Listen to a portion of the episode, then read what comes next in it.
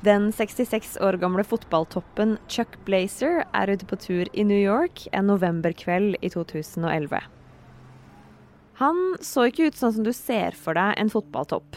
Du vet sånn slank, litt eldre italiener med en dyr klokke og i dress. Nei, Chuck Blazer han så litt mer ut som julenissen.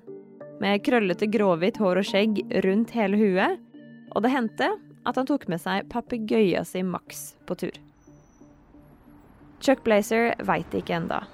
Men denne novemberkvelden skal endre det internasjonale fotballforbundet Fifa.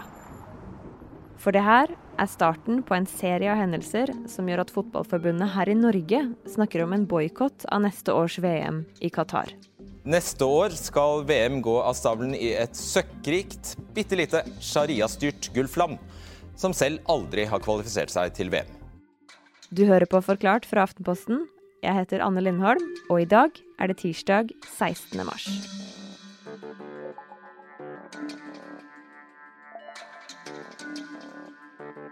Chuck Blazer er på vei eh, nedover eh, Manhattan på um, en sånn elektrisk eh, scooter som han brukte for å komme seg rundt på gourmetrestaurantene han spiste på hver kveld. Daniel Rød Johansen, sportskommentator i Aftenposten. Når er det Chuck Blazer skjønner at den kvelden her ikke skal gå sånn som han har planlagt? Han la merke til at uh, han ble forfulgt av en bil. Um, Chuck Blazer, uh, en kraftig kar på 200 kilo, forsøkte å komme seg unna. Uh, og da ser jeg litt for meg en sånn Fast and Furious, veldig light-versjon. Men jeg tror ikke han kom veldig langt før, før han ble stoppet. Uh, og da var det to, uh, to politifolk uh, som kom ut og ga han et enkelt valg. Enten så samarbeider du, eller så tar vi deg med i fengsel. Og Blazer, han velger å snakke. Og det han sier, får store konsekvenser. For nå blir han informant for amerikanske myndigheter. For politiet, de vil ikke bare ha tak i Blazer fordi han har gjort noe galt. Det er to grunner, egentlig. Det ene er uh, at jeg hadde en skattesak på Checkblazer.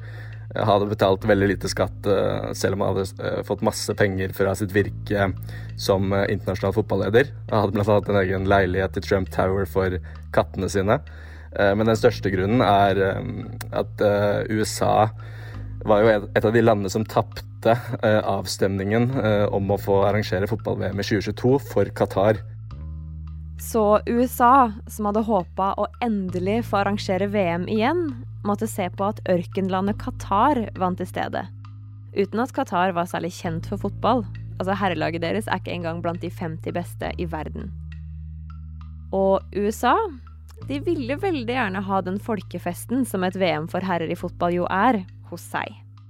Og det bidro nok veldig sterkt til at amerikanske myndigheter ville finne ut av eh, hva som egentlig rørte seg i uh, fotballverden. Og så hadde det gått masse rykter i flere tiår egentlig om uh, skittent spill og korrupsjon. Uh, men det var da det virkelig, etterforskningen virkelig fikk fart på seg, da, og de virkelig fattet interesse. Uh, og da ble Chuck Blazer en slags inngangsport da, inn i denne verden. Og etter fire år, i 2015 så får hele verden se konsekvensene av hva Chuck Blazer har fortalt. Da skal det være kongress eh, der alle fotballens ledere samler seg i Zürich i Sveits. Eh, og på morgenen på det luksushotellet disse fotballtoppene holder til, så slår politiet til. 14 personer, blant dem to av Fifas visepresidenter, ble pågrepet i dag, siktet for korrupsjon og svindel, bestikkelser og hvitvasking. Fifa-president Sepp Blatter er blant ti Fifa-topper som skal avhøres i forbindelse med korrupsjonsetterforskningen. Og Der ser man bilder i etterkant av at politiet holder opp hvite laken eh, utenfor hotellet og inn i biler, for at eh, pressen ikke skal kunne fotografere hvilke fotballtopper som arresteres. da. Men det blir ganske raskt klart at det er ganske mange som eh, blir arrestert. Eh, og eh, FBI har rullet opp en, et kriminelt nettverk, som de kaller det, som har sopet inn bestikkelser i flere årtier. Nå er det seks år siden alle Fifa-toppene ble arrestert på hotellet i Zürich. Men USA har jo fortsatt ikke fått det som de vil. For fotball-VM for herrer neste år, det skal holdes i Qatar. Et land i den persiske gulfen En halvøy med Saudi-Arabia som eneste naboland. Og som mange land i området, så har de blitt rike på olje. Kvinners rettigheter står ikke så veldig sterkt her, sjøl om det ikke er påbudt med hijab, sånn som det f.eks. er i Saudi-Arabia. Og den største delen av befolkninga i Qatar er gjestearbeidere.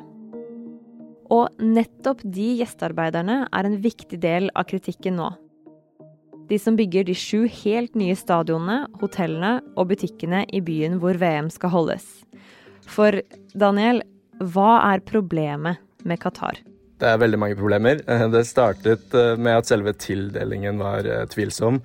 Eh, de fleste som stemte fram Qatar i 2010, har fått ulike korrupsjonssaker eller dommer på seg. Men det, hovedproblemet er at fremmedarbeiderne i landet lever under det som menneskerettighetsorganisasjoner beskriver eh, som slaveri-lignende forhold. Og da snakker vi om saker som en fra den britiske avisen The Guardian i februar, som viser at over 6500 gjestearbeidere har dødd i Qatar siden de ble tildelt VM. 37 av dem er offisielt kobla til bygginga av fotballstadionene.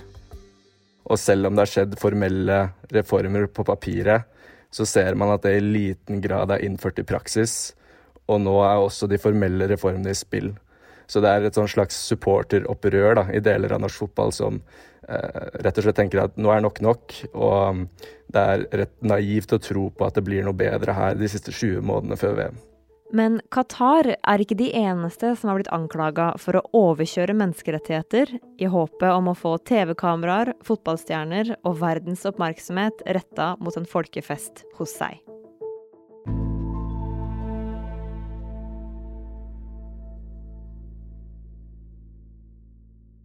Daniel, det er et begrep som stadig blir nevnt i forbindelse med VM i Qatar, nemlig sportsvasking. Hva er det? Det vil si at uh, et land uh, eller personer uh, prøver å bruke sporten og den enorme positive oppmerksomheten sport kan medføre, til å hva skal man si, hvitvaske eget image eller fremstå i et bedre lys. Og når det gjelder Qatar og fotball-VM, så er nok dette et en av hovedmotivasjonene til at de vil ha VM. og mange andre mesterskap i, i, flere idretter som de har arrangert de siste årene. Du veit, som når bedrifter f.eks. gir inntrykk av å være veldig opptatt av klima og miljø i markedsføringa si. Grønnvasking. Ja. Og sportsvasking, det har blitt ganske populært. Altså, allerede neste år uh, så er det jo ikke bare VM i Qatar. Uh, tidligere på året så er det OL i Beijing i Kina. og et viktig, eh, en viktig motivasjon for myndighetene der er jo å vise fram hvor eh, moderne, fint eh, og fortreffelig landet er blitt. Det samme kan man jo si om Russland, som hadde fotball-VM i 2018. Det var jo Putins store prestisjeprosjekt. Så det er jo ikke Det er nok ikke utelukkende sportsvasking som er grunnen til at land ønsker å få seg disse mesterskapene. Altså F.eks. Qatar eh, vil jo eh, også en, bygge seg opp som en turistdestinasjon. Eh, men sportsvasking er iallfall en av de viktige grunnene da, til at idrettsarrangementer er såpass attraktive for stadig flere autoritære land.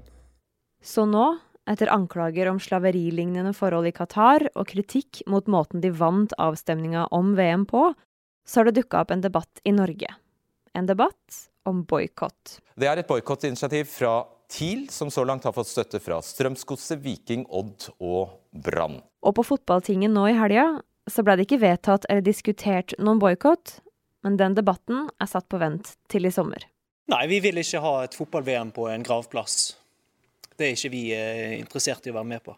Hjelper det noe om Norge truer med en boikott? Ja? Altså, herrelandslaget har ikke kvalifisert seg til VM på over 20 år. Nei, det kan du si. Og det, hvis Norge ender med å, med å, stå alene i en boikott, så vil det, vil det, nok ikke ha en veldig stor sånn skremselseffekt på verken Qatar eller um, Det internasjonale fotballforbundet. Uh, men samtidig så er jo motargumentet at uh, noen må jo starte uh, for å skape reell bevegelse. Og det, og det, vi har sett i den norske debatten nå de siste ukene, er jo et engasjement som man egentlig har ventet på i ti år. Da. Så det er jo veldig etterlengtet og positivt. Og så er det helt avgjørende hvis det her skal få noen påvirkning på enten Qatar eller Fifa, så må man bygge sterkere allianser, eh, gjerne med viktigere fotballnasjoner i Vesten, som har vært eh, altfor eh, stille i hele denne debatten. Da. Så vi får se om det, det skjer. Men at noen setter noe i gang, er iallfall en start. Og så er det veldig langt fram fra det til at noe faktisk skjer. Men fotball-VM er jo ikke noe man fikser på et år. Det tar lang tid å forberede. Og tildelinga av VM til Qatar skjedde jo for elleve år sia. Du veit da USA ikke fikk det, og bestemte seg for å etterforske toppene som ble arrestert i Sveits i 2015. For oss, it's a hard time. It's not nice to be uh, here in front of you and try to explain something that um, is not nice, Og siden da så har det skjedd noen endringer. Det har jo kommet noen eh, reformer, da. som det ser vi ofte når det er skandaler i idretter, at uh, man ser at ok, der er det et problem, og da må vi legge inn en reform eller en endring uh, akkurat der. Uh, og det at FIFA, et Fifa-styre i en hemmelig avstemning skulle bestemme hvem som får arrangere VM, slik er det ikke lenger. Nå er det alle nasjonene som stemmer fram VM-arrangørene. Og så er det også blitt slik at Fifa-presidenten bare kan sitte i tre perioder, da. Eh, mens den forrige presidenten, Sepp Blatter, eh, satt jo i 17 år helt fram til denne skandalen ble rullet opp i 2015. Så det har skjedd en del eh, endringer som er positive. Men så er det jo Fifas og store sportsorganisasjoners grunnleggende problem er jo litt måten de er satt opp på. Og Fifa består jo av 211 medlemsland. Eh, alle har én stemme, f.eks. når det gjelder presidentvalg. Um, og det ble litt som om FN skulle stemt fram en regjeringssjef som uh, skal regjere over verden. Da. Um, og da, er, da, blir det på en måte litt lagt opp til uh, uheldige konsekvenser. Man ser også at da Fifa-presidenten, den nåværende, Gianni Infantino, ble valgt, Eh, så lovet han jo i forkant at han skulle doble utbetalingene til alle medlemslandene. Så du har de samme som sitter på pengesekken eh, som skal vinne valg eh, for alle disse landene. Da. Så det er, del, det er en del strukturelle problemer her som gjør at selv om det har kommet reformer, så er det jo vanskelig å tro at det ikke skal dukke opp nye skandaler. Men, men er ikke det greit, da? Altså Ett land, én stemme. Det høres jo demokratisk og fint ut, det? Jo, det kan du si, men uh, utfordringen er litt uh, sånn som når uh, den nåværende Fifa-presidenten ble valgt. en av grunnene til at han fikk så mange stemmer, er at han lovet å doble utbetalingene til hvert enkelt medlemsland. så du har, de, du har de samme som skal stemme fram f.eks. president, da, um, er også helt avhengig av Eh, pengene som kommer fra toppen i den samme organisasjonen. Og det er en sånn slags eh, systematisk eh, interessekonflikt som gjør at det blir litt vanskelig å tro på at det ikke vil dukke opp nye skandaler, selv om, selv om det har skjedd viktige endringer på papiret.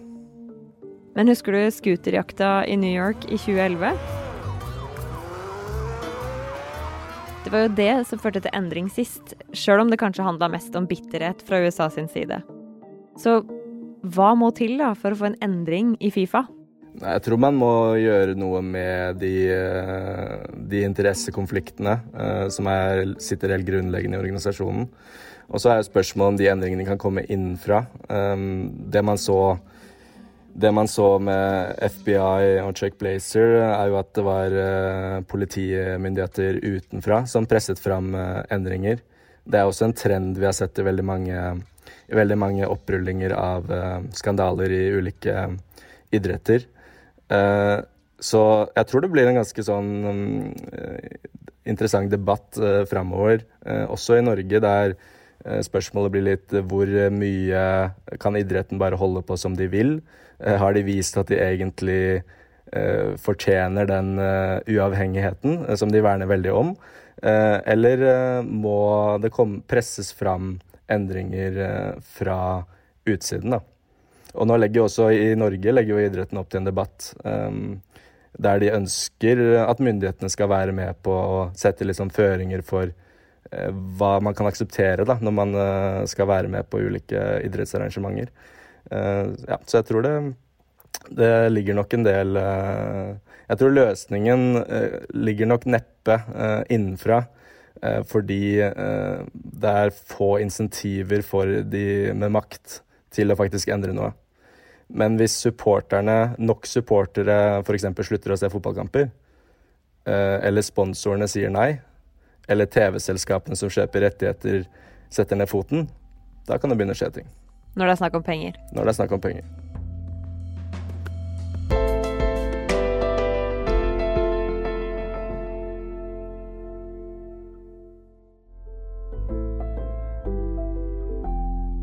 Denne episoden her er laget av produsentene Fride Onsdag og David Vekoni, i tillegg til meg, Anne Lindholm.